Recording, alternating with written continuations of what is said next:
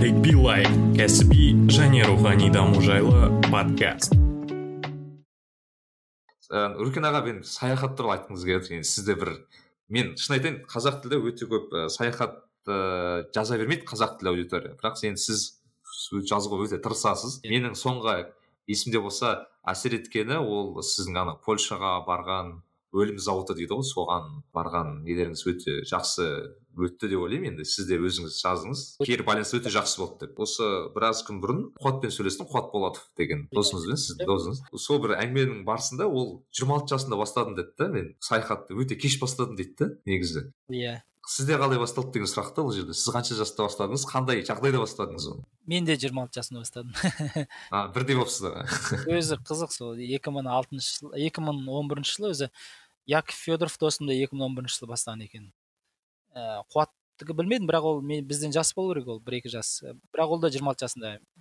Ыыы сосын александр цой деген досымыз бар үлкен кісі негізі қырықтағы. Ол сексен yeah, сексен сегіз елде болған ол да екі мың он бірінші жылы бастапты. Өзі бір мен танитын бір үш адам бәрі екі мың он бірінші жылда бастаған. Жаңағы үш досымыз жиырма алты жасымызда бастағанбыз. Яков та жиырма алты жасында бастаған сексен бесінші жылымыз ғой біз. Yeah.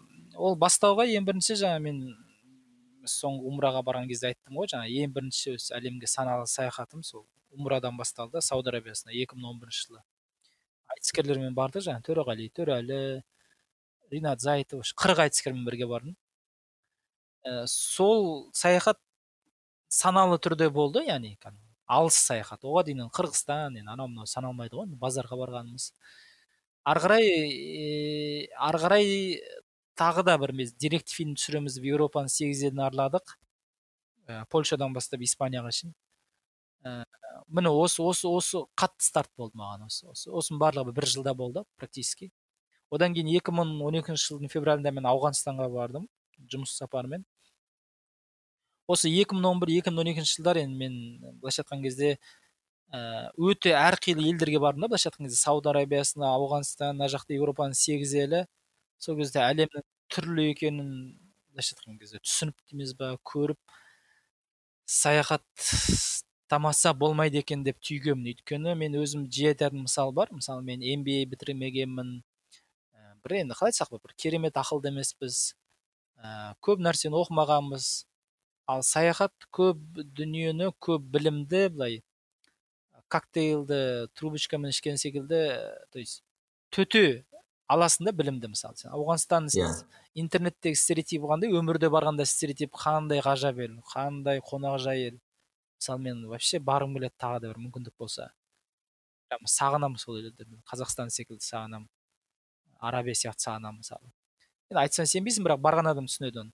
То есть айтайын дегенім ә, осы бір ләззат сезінген соң мысалы индия қандай ғажап ел жапония қандай ғажап ел ә, осы бір ләззатты сезінген соң біріншіден әсерді қайталағың келеді. Екіншіден ол сен үшін білім. Үшіншіден ә, бұл оқырмандар үшін контент яғни біз бәрібір контент жасаушы адамдармыз ғой. Yeah. ә, сосын мен жаңағы кейінгі бір екі жылда соңғы бұрын саясат туралы көп жаздым жаңағы анау мынау қыртынбай жаңағы. Біз де енді қыртынбай болдық қой енді әлі де сондаймыз ғой бірақ соңғы екі жылда сол тревел путевые заметкіден яғни точно зиян жоқ та әйтеуір одан. Одан әйтеуір ең болмаса әдемі адам әдемі сурет көреді ең болмаса бір пайдалы ақпарат алады ең болмаса бір ә, сол ел жайлы ақпарат алады ең болмаса бір мотивация алады.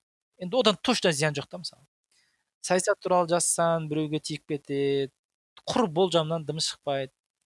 Әлеуметтік мәселені жаза бергеннен тоже бір ешнәрсе өзгермейді мысалы. Қазақ жаман дей бергеннен или қазақ керемет батыр халық дей бергеннен де ешнәрсе өзгермейді.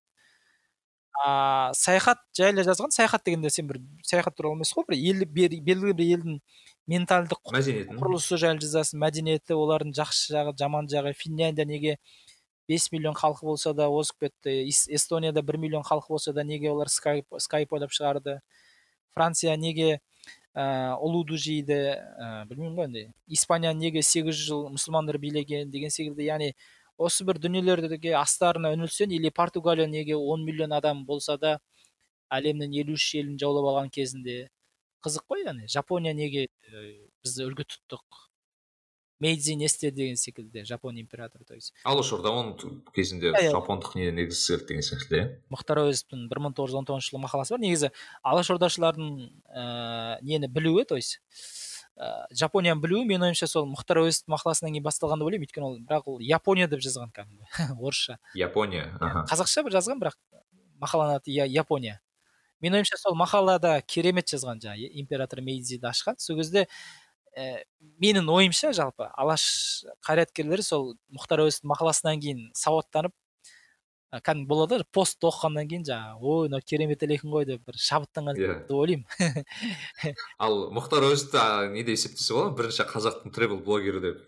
А иә конечно оны енді анау индияға барған саяхаты мысалы. Біз біз соны оқып өстік кезінде бала кезімізде. Советтік әдебиет болды елу елуінші жылдар барды ғой анау әлі есімнен кетпейді жаңағы оларда ана жаңағы өлген кезде адамды анау урнаға қойып қояды екен дуалдың үстіне сөйтіп урнаға урнадағы өліктерді жаңағы құзғын құстар келіп шоқып жеп отырады деген нелер бар кәдімгі. Өзі көрген ғой ол кезде елуінші жылдарда индия совсем енді жабайы кез ғой. Ә, сол эпизодтар кішкентай кезде оқыған кезім әлі есімнен кетпейді. Ә, одан кейін ерғали сағат деген кісінің жол жазбаларын оқып өстік парасат ә, журналының бас редакторы. Польшаға барған сапары ол кездегі жол жазбалар да қызық еді ғой мысалы. Он мың метр биіктіктен көз салдым. Ақшарбы бұлттар кетіп бара жатыр деген сияқты андай бір. Енді қазір ондай стильден кетіп қалдық қой енді қазір. Бірақ бәрі публицистика ғой көбіне. Иә иә ол публицистика сол бұлттың арасында отырып толғандым. Қазақ қайда кетіп барады деген сияқты. Күліп жатқаны былай әзіл әзіл үшін ғой былай айтса өз өз кезегінде ол ол форматта өзінің миссиясын орындады ғой яғни. Әсер етті деген ғой бізге әсер етті дұрыс жағынан. Аха жаман деген сөз емес. Сіз бағана айттыңыз осы бір бірден бір осы халықтың бағанағы елге жерге деген көзқарасын өзгерту деген секілді көрсеткіңіз келеді кейде иә.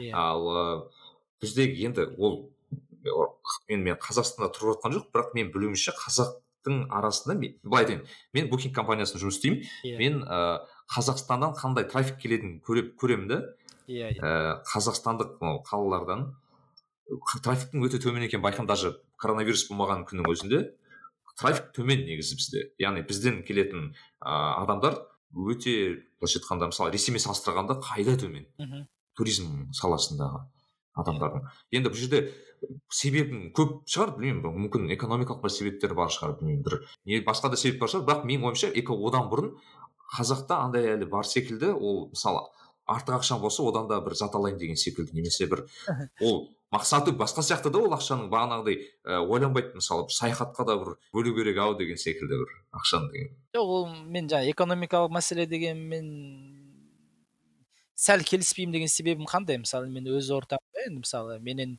менен де көп ақша табатын достарым бар мысалы ә, миллиондап ақша табатын айтыскер достарым бар режиссер достарым бар мысалы иә мысалы журналист достарым бар енді.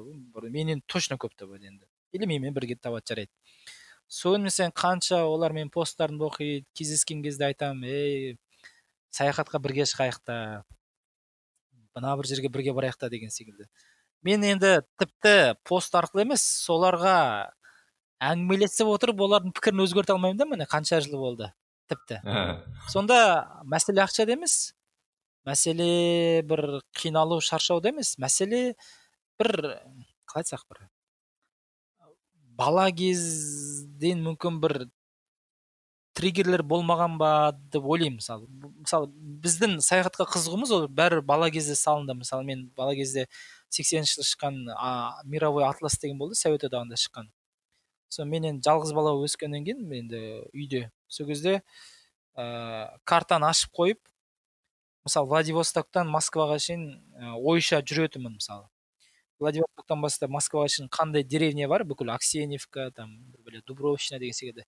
Бүкіл деревняның атын жаттап ә, сонымен ойша таңертең таңғы тоғыздан бастап кешкі тоғызға шейін сол өзім отыратынмын сол картаны қарап.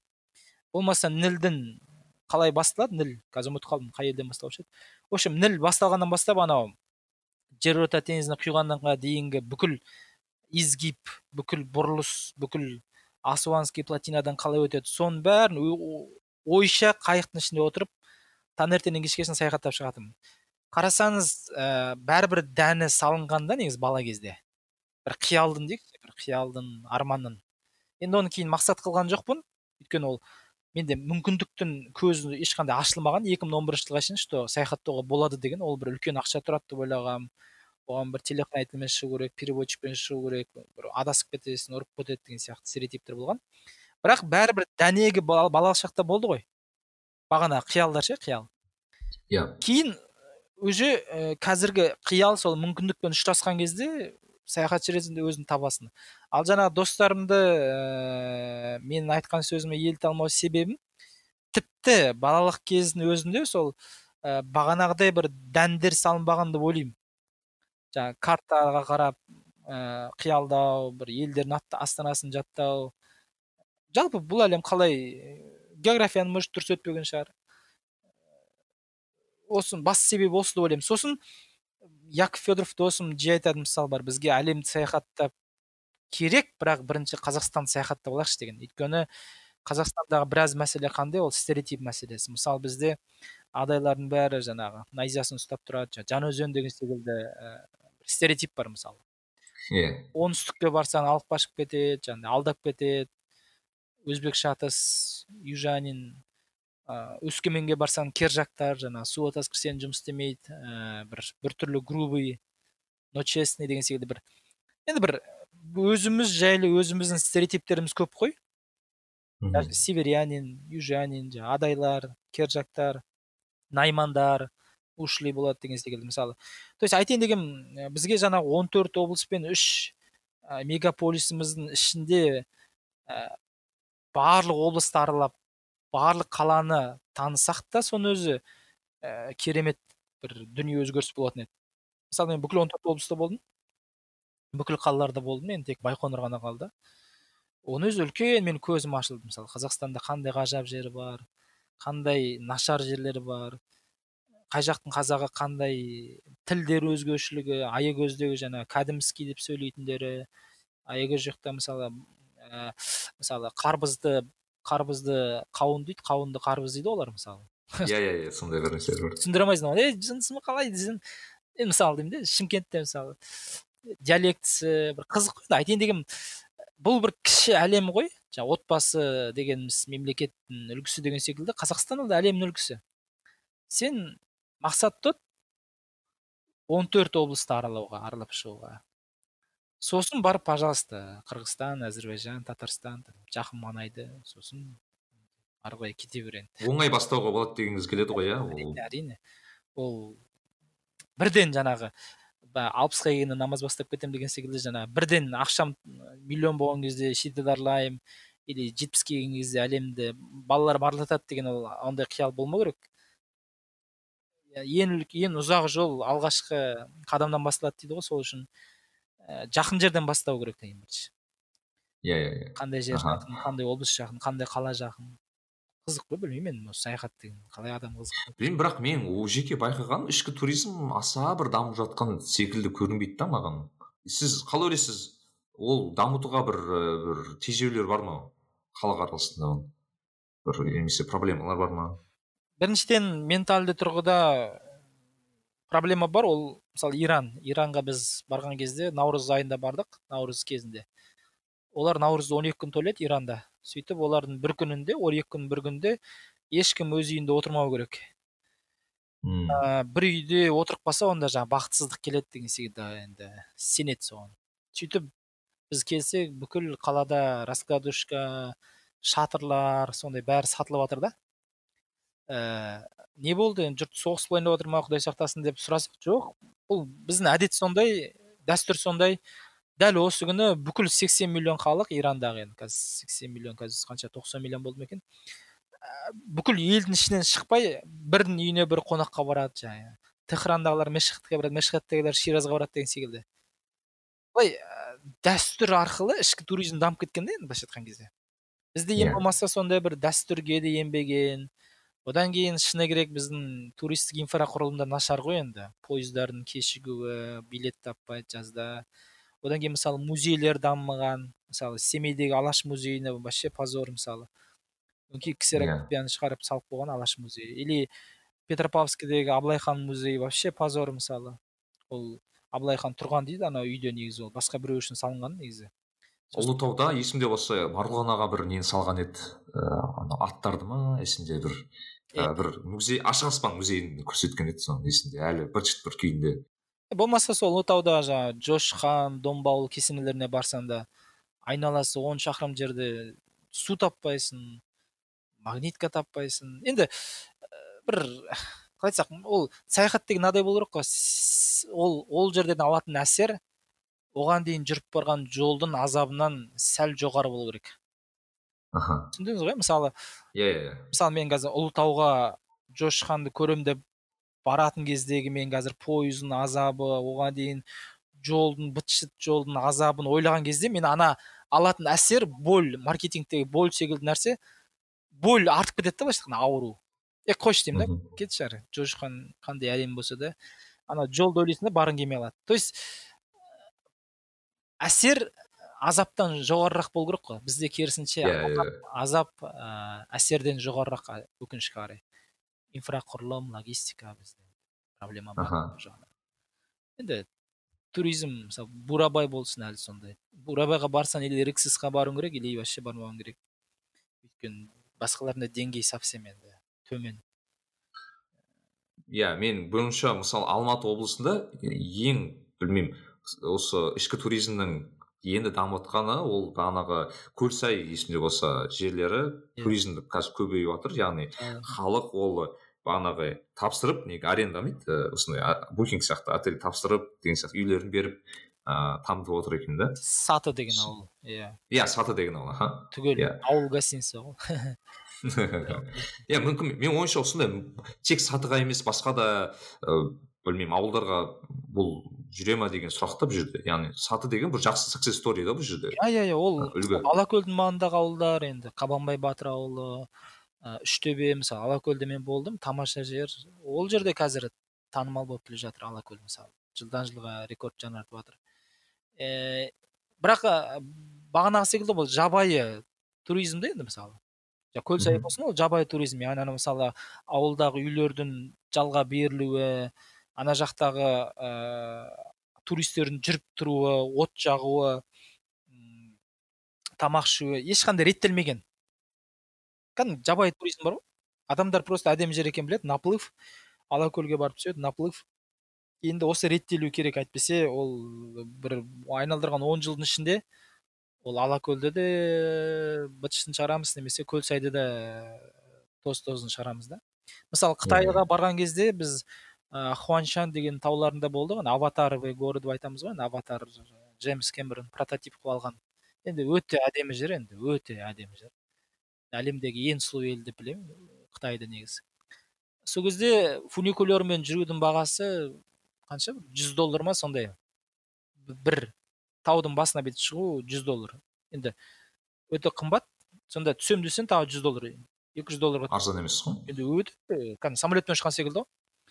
Неге десек қытайлар айтады ә, егер бұлай қымбат қылмасақ онда өзіміздің қытайларымыз өзі былай таптап кетеді дейді да бұл жерді кәдімгі. Доступный болса а иә иә иә. мысалы біз баянауылда болған кезде е, қорықшылар айтқан өзі биосфераның бір не да заңдылықтары бар мысалы. Ә, бір метр жерде бір адам бір сағаттың ішінде болу керек деген секілді заңдылықтар бар. Чтобы табиғат тыныстау керек жануарлар шошымау керек. Бір метр жерде бір адам бір сағаттың ішінде болу керек. А былай тым жиі болып кетсе ол да табиғаттың өзі де шаршайды деген секілді иә? уже иә шаршайды конечно. Ол жануарлар қашып кетеді ана жердің топырақ эрозиясы басталады. Енді баланс бұзылады қысқасы. Айтайын дегенім жаңағы болып жатқан вроде бы позитивный тенденцияның астарында әзірге жабайы туризм жатыр да мен осыдан қорқамын сол кішкене. Иә иә иә. Сол тезірек әрине реттемесе бір жүйе жүйе керек иә? Иә иә тезірек реттемесе ол ол көлсайдан да быт шытын шығарып жүреміз ғой.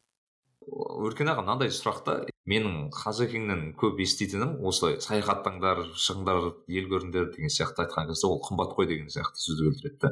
Иә. Яғни бірінші айтады ойбай қазір бізде девальвация доллар қымбаттады евро қымбаттады. Билет қымбат бәрі қымбат. В общем баруға деген желаниесі сол бірінші ақшаға тіреліп қала береді да көбінесе. Иә иә. Одан да мен құрсын бір телефон алайын анау алайын алайын. Енді сұрақта қымбат па деген сұрақта бұл жерде мен. Өйткені маған үшін ол қымбат емес көрінеді. Өйткені ол адам өзінің бір жолдарын тауып өтсе саяхат негізі қымбат емес зат. Сіз қалай ойлайсыз? Иә ол бағана айтып отырған дүние ғой. Ә, саяхаттан алатын құндылықтың бағасын ә, ол тек билеттің ақшасымен өлшеп тұр ғой значит адам мысалы иә. Үш жүз мың теңге кетер иә мысалы бір бір мысалы өзбекстанға барып келу бір екі жүз мың теңге дейікші жарайды. Жарайды үш жүз мың теңге. Яғни сен ол сапарда алатын ә, рухани мәдени әсер әмір темірдің несі жаңағы хиуадағы сарайлардың узоры самарқандағы самсаның дәмі деген секілді бір бір ақшамен өлшенбейтін бір эстетикалық ә, бір білімдік ләззат. бар ғой бір құндылықтар критерийлер иә? Оны енді сен екі жүз мың теңгемен өлшей алмайсың ғой бұл соған татиды немесе бұл қымбатқа түсті немесе арзанға түсті деп. Сондықтан бұл жерде адам қалай айтсақ болады ә, саяхатқа құндылық ретінде қарамайынша оған бес мың теңгенің ә, даже музейдің билетінің өзі оған қымбат болып қала береді ол ол саяхат тұрмақ оның қасында мың жарым теңгенің кітабын өзін қымбат деп оқымай жүрген адамдар көп қой мысалы. Кітап алмай оқымай жүрмін өйткені кітап қымбат қой мың жарым теңге тұрады деп ана қуаныш шонбайдың бар ғой мысалы. И сен енді мың жарым теңгеге кітап алып үш жыл ә, жазған автордың еңбегін сатып алса яғни сен адамның бір үш жылғы өмірін сатып алып жатсың ғой дейді былайша айтқан кезде. Ол кітапты мысалы екі жыл жазды мысалы ана қуаныш шонбай екінші роман жазған кезде айтады ғой да алты жүз кітапты оқыдым. алты жүз кітаптан алты жүз лимон секілді сығып сығып ең керектісін бердім. былайша айтқанда согын алып бердім дейді ғой. То есть айтайын дегенім даже саяхат емес ол тек кітапқа да біз құндылық ретінде қарамаған соң ол даже мың жарым теңгенің өзі бізге қымбат болып тұра береді да ол. Иә. Yeah. сен оны бір екі жүз теңге қылсаң да адамдар сылтау айтады ей ол екі жүз теңге неге тегін қылмайды деген. А тегін қылсаң да адамдар бармайды өйткені одан алатын пайдасын түсінбейді да сол үшін де адамдарда мәселе жоқ негізі. Мәселе олардың көзін ашуда бағана мен танымдық посттардың мақсаты да сол ғой. Иә. Барған кезде мынандай әсер аласың барған кезде мынадай бір пайда аласың барған кезде мынадай бір ә, керемет бір қалай айтсақ бір білім аласың деген дүниені оқи берсе оқи берсе тамшы тас теседі деген секілді. Өзі бара алмаса да ең болмаса балалары баршы енді деген секілді бір ә, деңгейге жетсе деген менде бір ой бар да енді жаңағы оқырман тәрбиелеу деген неге кетіп бара жатырмыз бірақ бір функциясы осы. То есть ә, саяхатты құндылық ретінде қалыптастырмайынша оның бағасы жоқ негізі. Иә. бес жүз теңге болса да мен де кірсем енді өзіңізге бір сіз бағана ауғанстан туралы айттыңыз да енді бір өте популярный destination дейді ғой yeah. Иә. ондай жер емес та. Ал сол сол секілді қандай бір өзіңізге бір ерекше андай әсер еткен немесе бір ерекше болған сапар бар ма? Басқаша. А ондай сапарлар өте көп болды. Мен өмірімде өйткені мен хабарда жүрген кезде сондай жерлерге жиі сұрандым. Өзі ешкім бармайды. Горячий точкалар ма? Так мен қайда болдым? Мен қырғызстанда мен сапарым өте қатты әсер етті. Өйткені біз революциядан кейін болдық. Жаңағы ош қырғынынан кейін беті өртеніп кеткен өзбектермен қырғыздармен көп сөйлестік сол. Қырғыннан кейін кәдімгі дүнгендегі қырған секілді ғой. Ә, потом чернобыльде болғаным сапарым есімнен кетпейді. Екі күн толық жүріп радиация алып ә, фильм түсірдік. Тамаша сапар болды. Хиросимаға барған сапарым есімнен шықпайды. Сосын мысалы біз ә, блогерлік блогерліктің бір жақсы жері бір басқа адамдар барамайтын жерлерге бардық та. Мысалы ленинград атом электр станциясында болдым ішінде. Былтыр. Биыл ә, кореяның ә, атом электр станциясында болдық бізді сол үшін шақырды. Былайша айтқан кезде екі бірдей державаның атом электр станциясының ішінде болу деген енді ол қызық енді бір басқаша бір ә, білім аласың. Радиология бойынша білім толықты. Қазір енді аяз туралы біраз бір сағат айтып бере аламын мысалы. Ә, yeah. Сол секілді мысалы өткенде сауд арабиясындағы мадейн солих деген жер алла тағаланың қаһарына ұшыраған қала жерлер. Басқаша бір күйге енесің. Өткендегі аушвиц мысалы өлім заводы. Енді көп қой енді. Лувр лувр болсын эрмитаж болсын ол, ол бір ерекше мақтанатын бір шүкір дейтін сол жерге барғанына жерлер көп. Таж махал болсын айта берсем. Мен мынандай теориям бар да негізі популярный емес жерлерге бару. Иә. Басым халық бармайтын жерге бару ол көбінесе әсер қаттырақ болады да сен ана өте турист жерлерге қарағанда. әрине әрине. Ол мысалы мен непалға бардық біз непал деген елге. Көп адам бармайды деп ойлаймын. Сол кезде біз ә, катманду қаласында патуши патинатх деген ә, жерде болдық. Ол адамдарды өртейтін жер кремация жасайтын. Өзен жағасында. Ол өзен гангаға қосылады сол үшін қасиетті саналады. Сол кезде бес сағат жүрдік. Адамдарды өртеген суретке түсіріп жаңағы енді әбден енді тойғанша жүрдік былайша айтқан кезде сол сапар есімнен кетпейді. Өйткені ондай дүниені сен непалдан көре аласың сосын ә, индияға варанасиге бару керек ол үшін жаңағы. Массовый адамдарды өртеу сәтін көру үшін. Енді әлемде сирек деген ғой ондай жерлер. Иә иә. қазір қапелімде есіме түспей тұр бұндай бұндай сәттер үшін енді әрине баруға тұрады мысалы. Ә, вьетнамға барған сапарымыз өткендегі тамаша болды енді. Өте өте тамаша болды.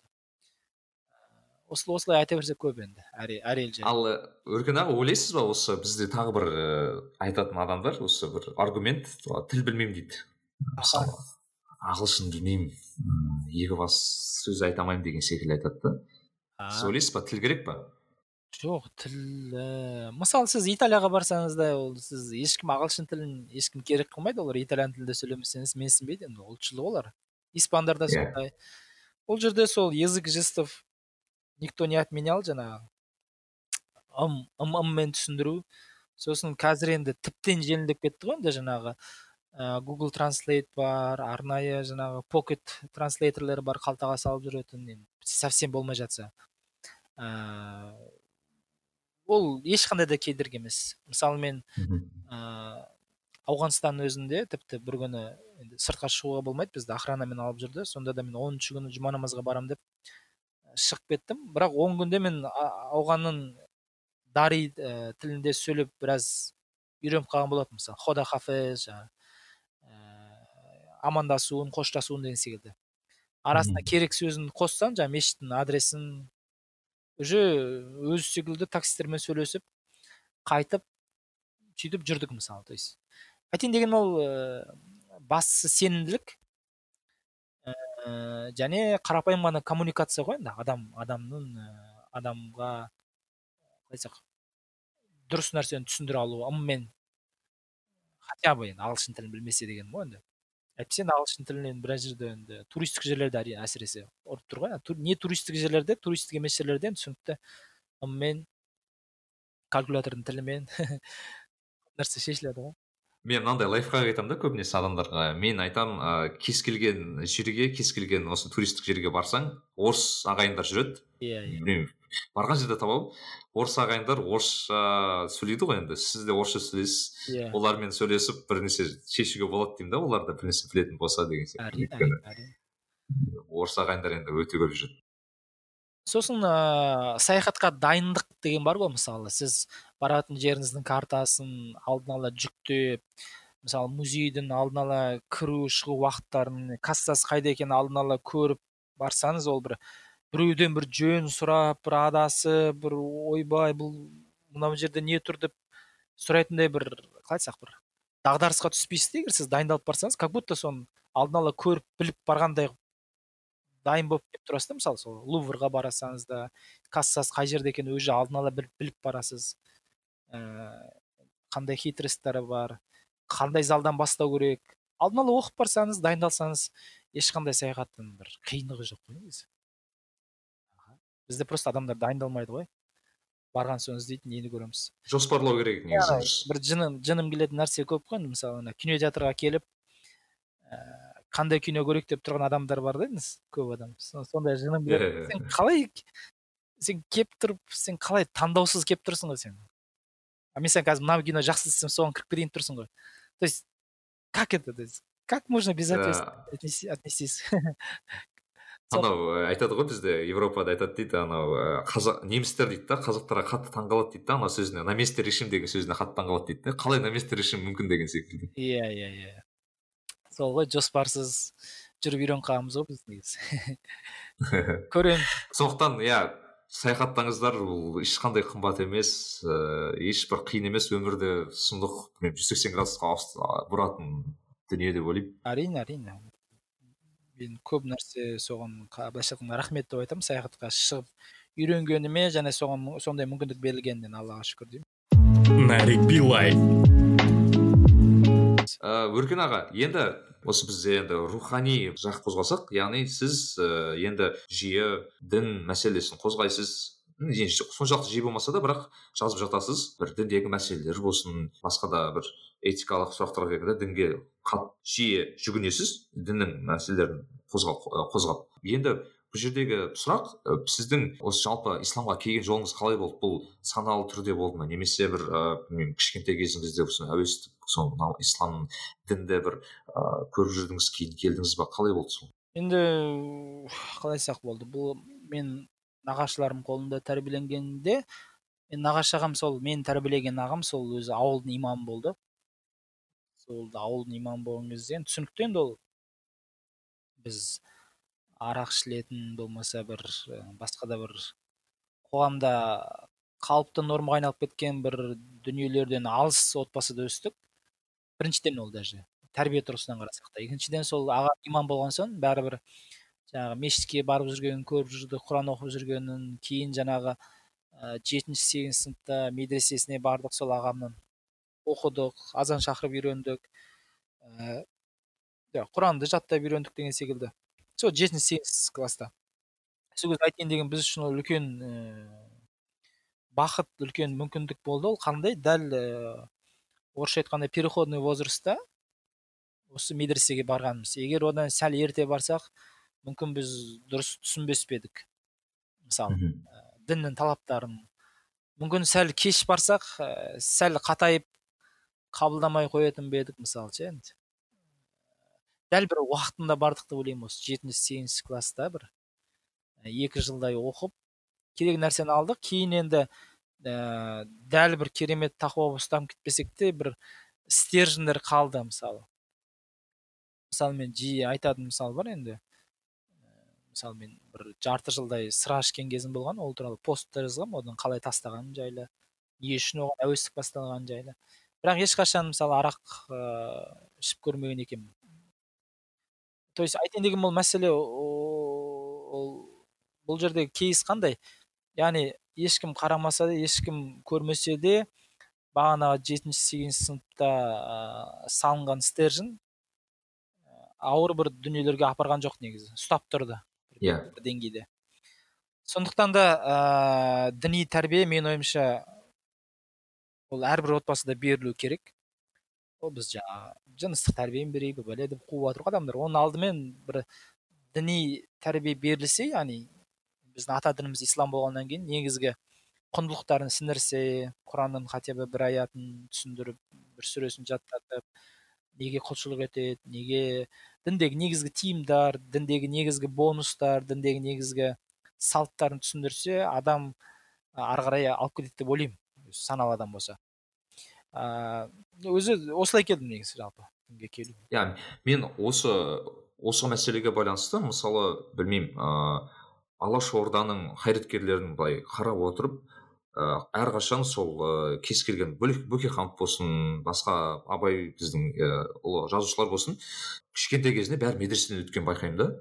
Иә. Яғни кімді оқымасаң осындай жасында медреседе оқыды білім алды деген секілді сондай бір жазулар кетеді да биографиясын оқысаң. Яғни қанша дегенмен ол өмірге қатты әсер болғанын байқаймын. Яғни медресе болсын кішкене болсын діни білім өте өте керек. Ол кездегі сол білім беру формасы сол медреселерде болды ғой енді қалай айтсақ басқа басқа формат болмады ғой енді. бір жағынан дұрыстау иә, yeah, енді өркен ағада мынандай мәселе. Бізде қазір қоғамда бірнеше рет айтамын осы қоғамда діни ренессанс болып отыр деп айта аламын. Енді қазір жасым жиырма бесте мен өз қатарымды білемін.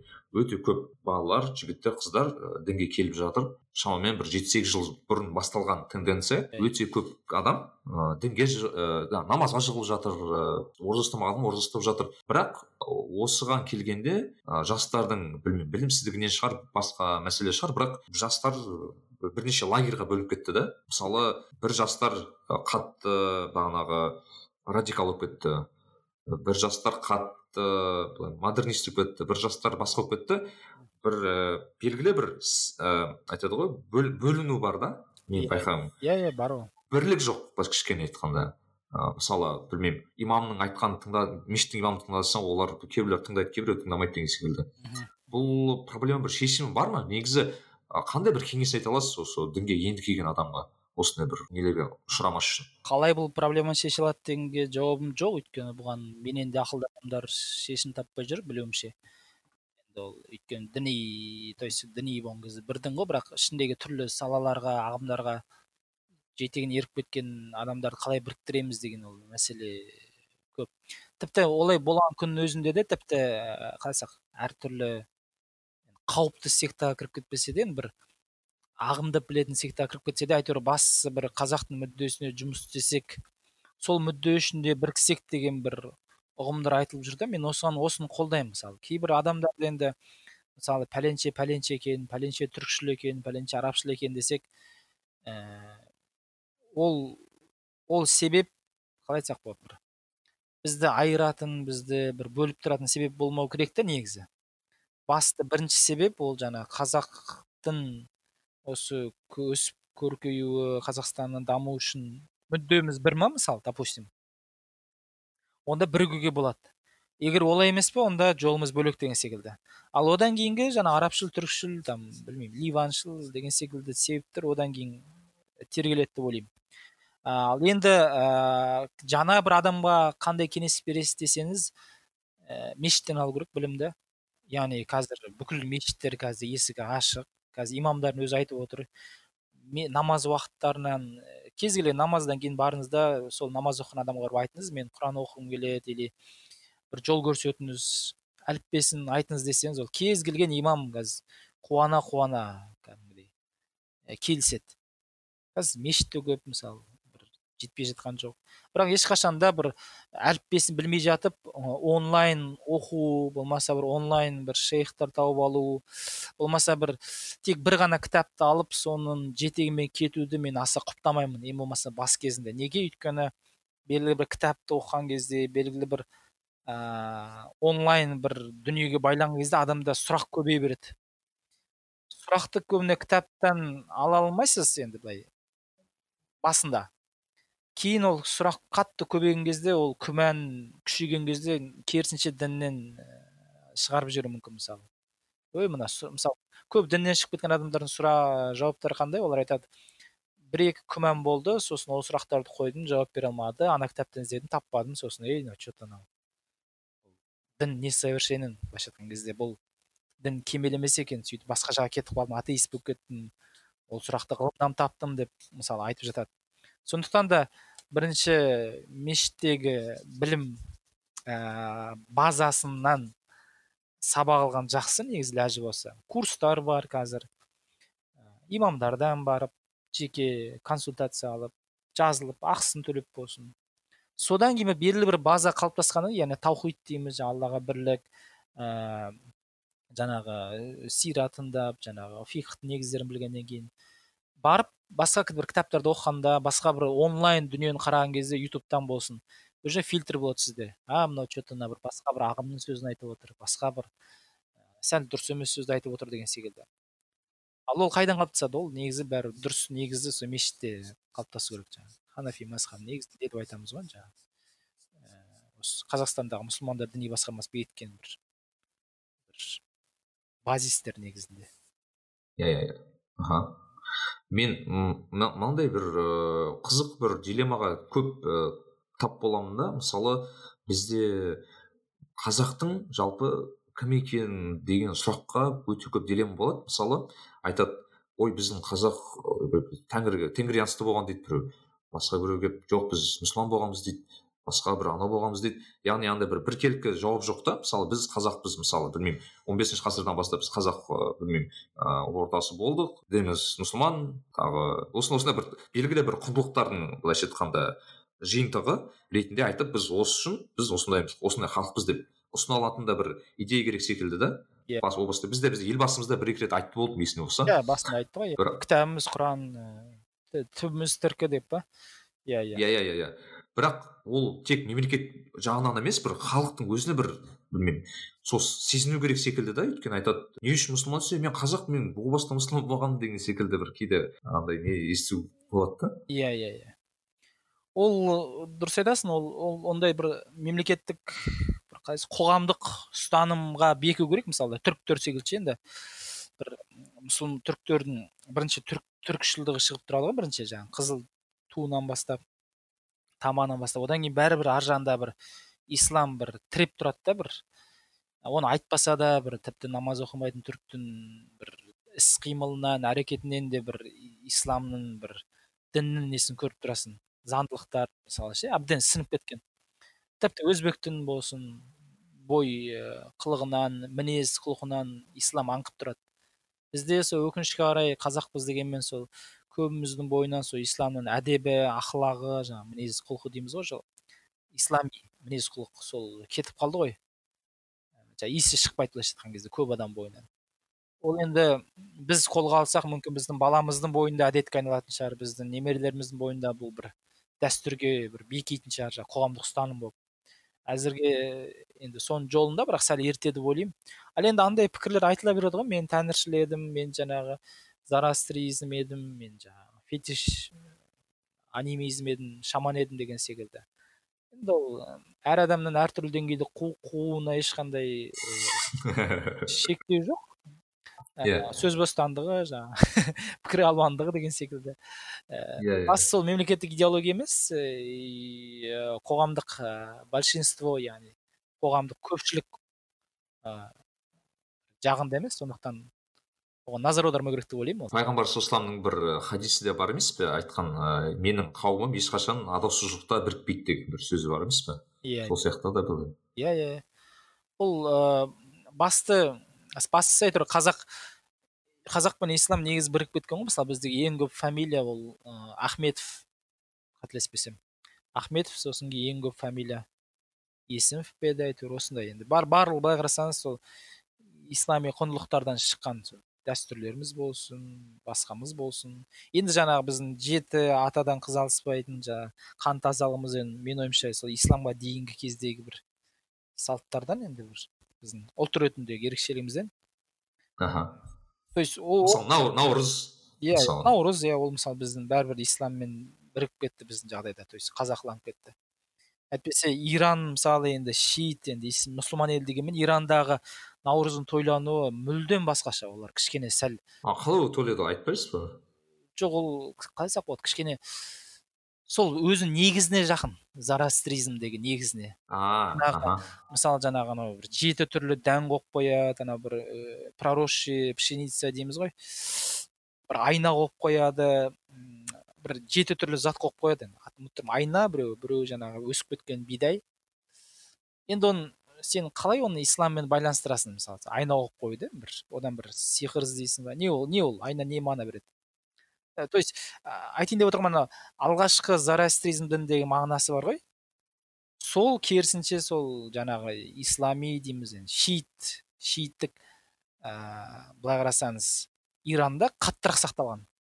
Ал бізде ондай жоқ бізде ондай бір ешқандай ә, ол алғашқы о бастағы наурыздың фетиші сақталмаған ғой бір ырымдары дейікші былайша айтқан кезде енді жаңағы қыдыр ата келеді дейміз ә, басқа не бар енді бір исламмен бір қайшы болатындай бір бір грубый ешнәрсе жоқ та бәрі yeah. Иә. бәрі былайша айтқанда казахифицирование то есть әбден қазақыланған да то есть бүкіл ырымы да жырымы да тойлауы да сондықтан бұл жағынан бұл жағынан негізі тамаша бір қазақ негізі конвертері бұл жағынан то есть мәдени конвертері негізі жақсы жұмыс істеген то есть парсыдан сөз алу болсын мереке алсақ та діннің жақсысын алсақ та мысалы жағынан әңгіме жоқ негізі бұрынғы бұрынғы конвертерлер мүмкін бізде осы кеңес үкіметінің кезінде дін болмаса да бізде сол салт дәстүр ұстады деген де бір сөз бар ғой.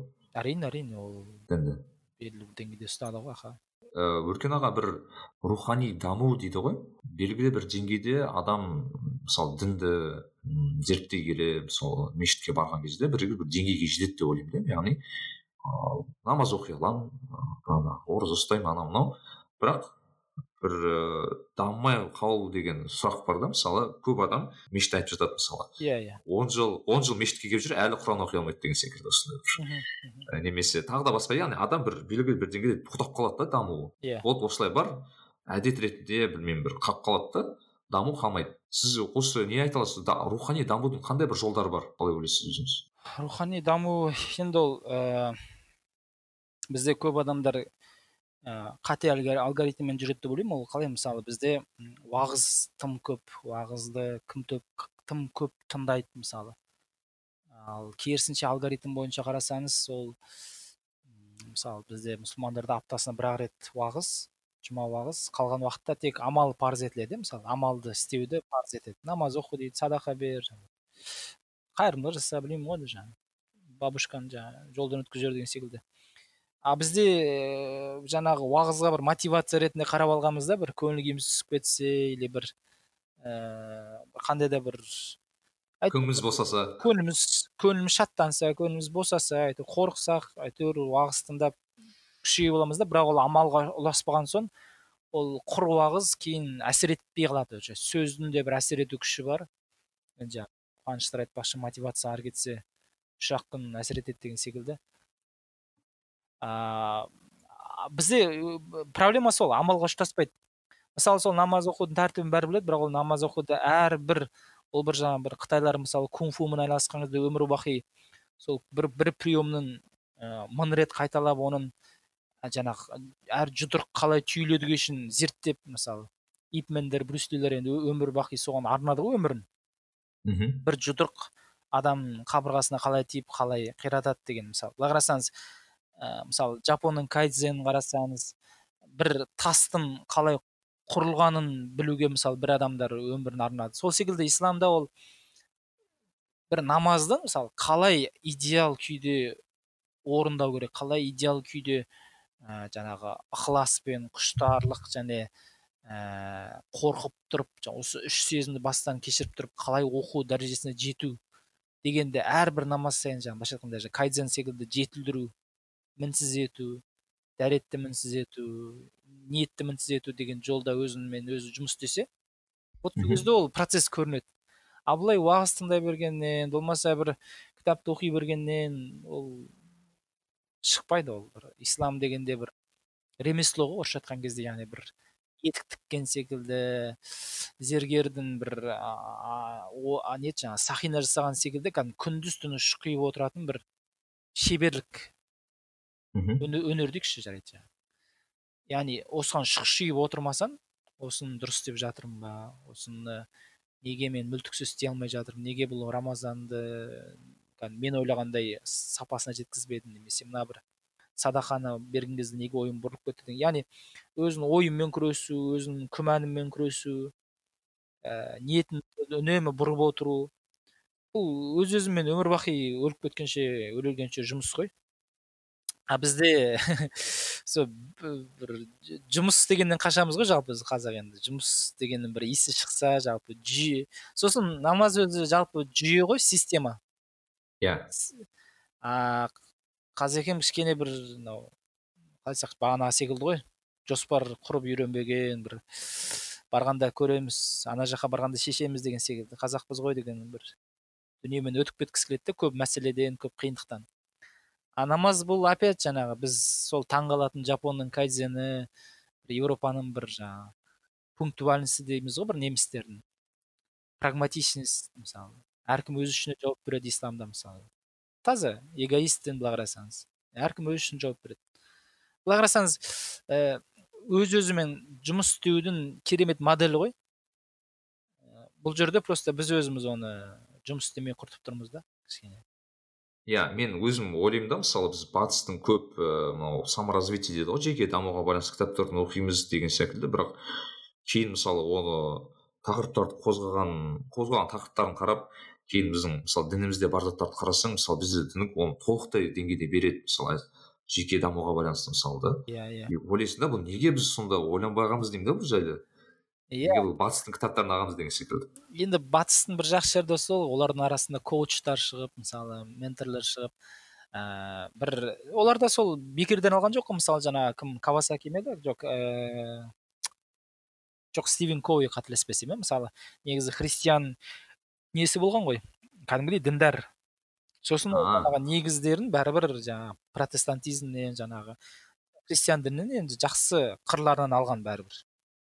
Карнеги болсын мысалы бәрібір бір өзекті бір алады ғой бір жақсы дүниеден бізде де солай енді бізде жаңағы шамил алюдиновті деген секілді енді өзіміздің бір ә, коучтар осы тақырыптағы бір исламның енді түгел теңіз секілді ғой мұхит секілді оның бір қай жерінде қандай арал бар екенін қандай жерінде тұщы суы тұщы екенін жұрт білмейді қалың жұрт оларға yeah. Иә. сол коучтар жаңағы мықты менторлар шығып әдемі әдемі тұстарын кесіп беріп бір модельдерді жасап беру керек та негізі. Мысалы жаңағы орыстардың бір бағы енді татарлардың бағы жаңағы алюдинов секілді адамдар енді жаңағы исламды кәдімгідей кәдімгі кезінде лучано поворотти қалай операны популяризация жасаса олар қазір исламды солай популяризация жасап жүр да жаңағы соловьевтің ток шоуына қатысып ә, ол мұсылман деген тек ә, құран оқып үйде омалып отыратын адам емес ол жаңағы омыртқасына упражнение жасайды ол бизнестен де қағады ол ә,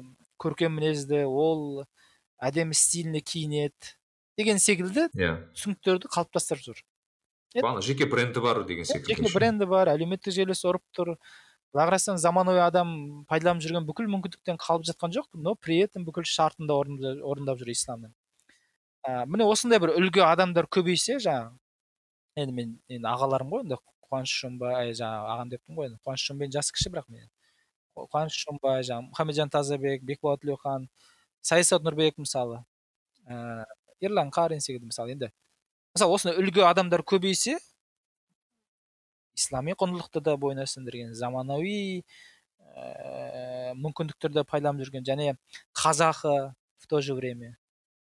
В то же время мемлекетшіл ә, в то же время жаңағы табысты в то же время атақты. Ол кезде исламға да жұрттар қызығады да. Бұның бір кілтипаны исламда шығар деп. Негізі солай ғой. Иә. Себебі осы шығар деген сияқты иә иә. иә. Иә иә осы өте өте келісемін. Өркен аға көп рахмет осындай бір осындай әңгіме өте тұшымды болды деп ойлаймын. Керемет. Иә. қанша сағат болды? Екі жарым сағат. Иә мен мен шын айтсам байқамай қалдым қалай уақыт өткенін яғни сіздің өте осылай керемет сұхбат бердіңіз. Енді өркен аға сөз соңында бір тыңдарманға бір қандай бір кеңес ақыл кеңес берер едіңіз? Немесе айтар сөзіңіз болса? Охо так кеңес бұл жерде негізі қалай айтсақ болады? Адам анау данияр жігітбектің өткенде сен сұхбат алыпсың ғой соның жасы кіші болса да сөзі қатты ұнайды өйткені надандықпен. Адам өзі надан болып өмірге туады. Сол надандығымен өмір күресіп өту керек оның миссиясы сол деп. Мысалы тісін қалай жуу керек екенін білмеу ол да надандық дейді да енді үш минут жуу керек. Мысалы өткенде қол жуудың өзін үйреніп алдық қой жиырма секундтан артық жуу керек екен. Жаңағы коронавируспен күресу үшін ше мысалы. Жай ғана жиырма секундтан артық жуған кезде ғана жаңағы майдың липидті қабығын ерітеді дегенді бәрі біліп алды қазір. Енді осы секілді өмірдің түрлі саласындағы ә, надандықтан жаңағы надандықпен күресіп өтуді бір миссия қылып алсақ өйткені сонысымен өмір қызық мысалы жаңағы қарапайым ғана тіс жуудан бастап өмірде қалай бақытты боламыз деген сұраққа дейінгі барлығы бұл алла тағаланың бізге беріп қойған бір әрбір әрбір дүниенің артында бір кішкентай шымылдық перде тұр соны сәл ашсаң ар жағында жарқырап дүние шығып тұр да жаңағы. Әрбір игіліктер әрбір білім бір болмайтын бір перде сыртында жабулы тұр. Соны просто тұрып ашу керек бітті. Пожалуйста. Иә. Ары қарай игілікті алды ала бер. Өйткені алла тағала бұл өмірге өмірді біз үшін сынаққа жаратқан бірақ бізді сондай бір чмо қылып құл болып өмір жылап зарланып өтсін деп те жаратпаған шығар енді сондықтан иә yeah. бұл өмірде игіліктер жасырылған бұл өмірде бақыттың кілттері жасырылған тек соны тауып үйрену керек ал ол оны табу үшін алдымен надандықтан ажырау керек а надандықтың ең жаман дүниесі сол ол қандай адам өзіне не керек екенін білмейді қандай тамақ ішу керек екенін білмейді қандай киім керек екенін білмейді өзіне қандай мамандық керек екенін білмейді өзіне қандай кітап оқу керектігін білмейді қандай кино көру екенін білмейді. Өзі осы надандықтың ең атасы осы. Ал өзіне не керек екенін білмейтін адамға ешкім көмектесе алмайды ол кезде. Қандай әке болсын қандай ә, ментор болсын қандай кітап болсын көмектесе алмайды. Сондықтан бұл өмірдің басты құпиясы да ғажабы да осы. Әркімнің өзінің кім екенін тануы енді миллион менторлар айтатын сөзді айттым бірақ енді шынымен де өзі банальный болса да осы енді негізгі. Кеңес. Өмір өмір шындығы дейді ғой. Иә. Керемет кеңес болды деп ойлаймын. Біздің подкаст соңына жетті. Ал тыңдарманға көп рахмет тыңдағаныңызға. Келесі подкастқа келгенше қош сау болыңыздар. Рахмет. Тұрыңыздар. Әлеуметтік әлеуметтік желіде бөлісе тұрыңыздар өркен аға бөлек рахмет. Рахмет. Істеріңізге сәттілік. Нарик билай кәсіби және рухани даму жайлы подкаст.